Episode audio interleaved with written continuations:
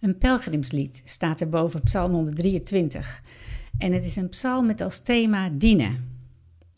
Waar begint nu onze dienst aan God? Het begint met de blik naar boven. Ik sla mijn ogen op naar U, naar U die in de hemel troont.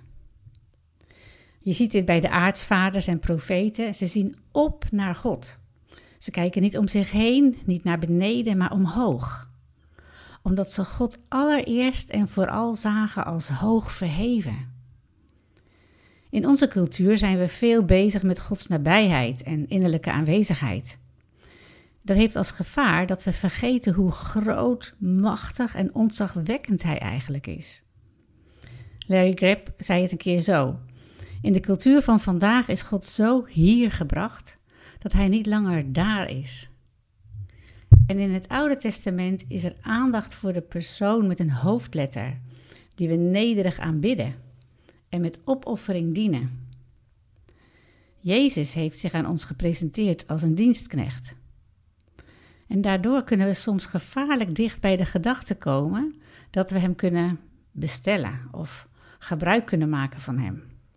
Maar Jezus werd een dienaar, zodat we onze levensstijl op hem kunnen afstemmen hem kunnen volgen in het dienen. En dat betekent niet dat er geen plek is voor optreden in autoriteit, in het gezag van Christus. Maar dat kan alleen als we ons voor ogen houden dat Hij de meester is en wij zijn dienaren. En in die relatie, hoe heerlijk is dan de tekst?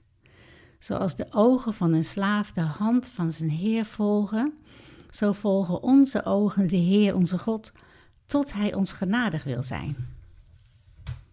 Eigenlijk is dat heel vertrouwd, hè? Het dienen is het normaal van een christen. Het is zo passend in het leven in het koninkrijk van God. En als wij Gods dienaren zijn, dan weten we wat we van onze meester, onze Heer, onze hemelse Vader verwachten mogen. En dat is genade. Drie keer komt dit woord kort maar krachtig naar voren. Onze ogen volgen de Heer, onze God, tot Hij ons genadig is. Dan, wees genadig, Heer.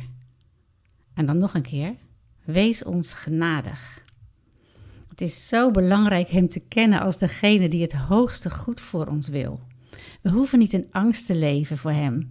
En we hoeven niet weg te duiken of bang te zijn voor de zweep. We mogen in vrijheid en vreugde voor Hem leven. Wat een genade.